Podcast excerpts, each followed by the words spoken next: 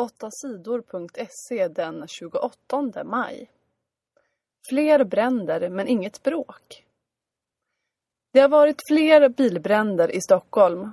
På natten mellan måndag och tisdag brann bilar på tre platser i staden. Men bränderna kunde släckas utan att det blev något bråk mellan ungdomar och poliser. Förra veckan var det väldigt bråkigt i Stockholm. De senaste nätterna har det varit lite lugnare. En vanlig vecka släcker brandmännen omkring 10 till 15 brinnande bilar i Stockholm. Förra veckan var det 10 till 15 bilbränder varje dag. Totalt brann minst 150 bilar. Bomber dödade 70 i Irak. Våldet fortsätter i landet Irak. På måndagen sprängdes flera bomber i huvudstaden Bagdad. Minst 70 människor dog och flera hundra skadades. De religiösa striderna blir allt värre. Det är de muslimska grupperna Sunni och Shia som är fiender. Bomberna sprängdes i ett område där det mest bor Shia-muslimer.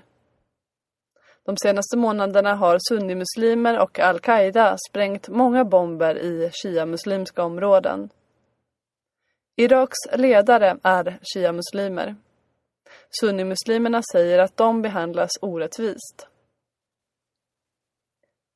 Erik Sade gör EM-låt.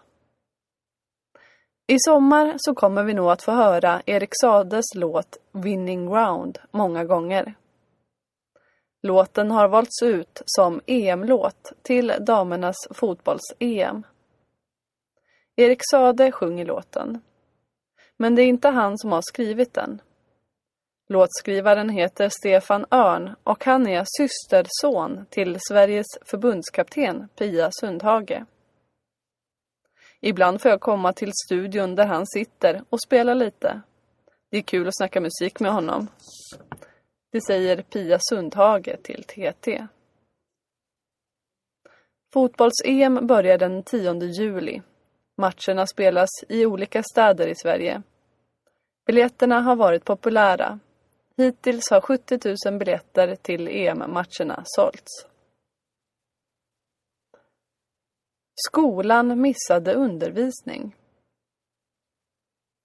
För eleverna på Angöra gymnasiet i Göteborg blir det inget lugnt slut på terminerna.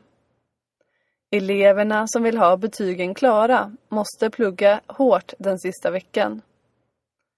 Det beror på att skolans chefer slarvat. De har inte förstått att alla elever måste läsa religion.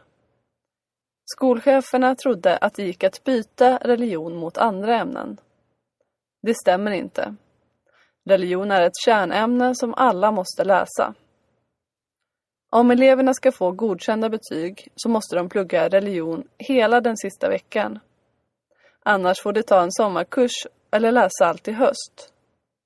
Problemen är störst för elever som tar studenten och ska söka till andra utbildningar. Buss fastnade i tunnel. En buss fastnade i en tunnel i Stockholm på tisdagsmorgonen. Chauffören körde av misstag in i tunneln. Tunneln är för låg och bussen fastnade. Bussen har tuber med gas på taket eftersom den drivs av biogas. Det fanns risk att tuberna exploderade. Därför fick inga bilar köra in i tunneln innan bussen har tagits bort. Det blev stora problem i trafiken i Stockholm i flera timmar. Sverige är ett lyckligt land. Sverige är ett bra land att leva i. Det är bara Australien som är bättre. Det visar en undersökning som den ekonomiska organisationen OECD har gjort. OECD har jämfört 30 rika länder. De har bland annat jämfört arbetslöshet, hälsa, miljö, utbildning, bostäder och löner. Sverige kommer tvåa på listan. Därför kallas Sverige för världens näst lyckligaste land. För tredje året i rad kommer Australien i topp. Kanada, Norge och Schweiz är också med bland de fem översta. Men egentligen visar inte listan hur lyckliga vi är. Den visar hur stora chanser vi har att bli lyckliga.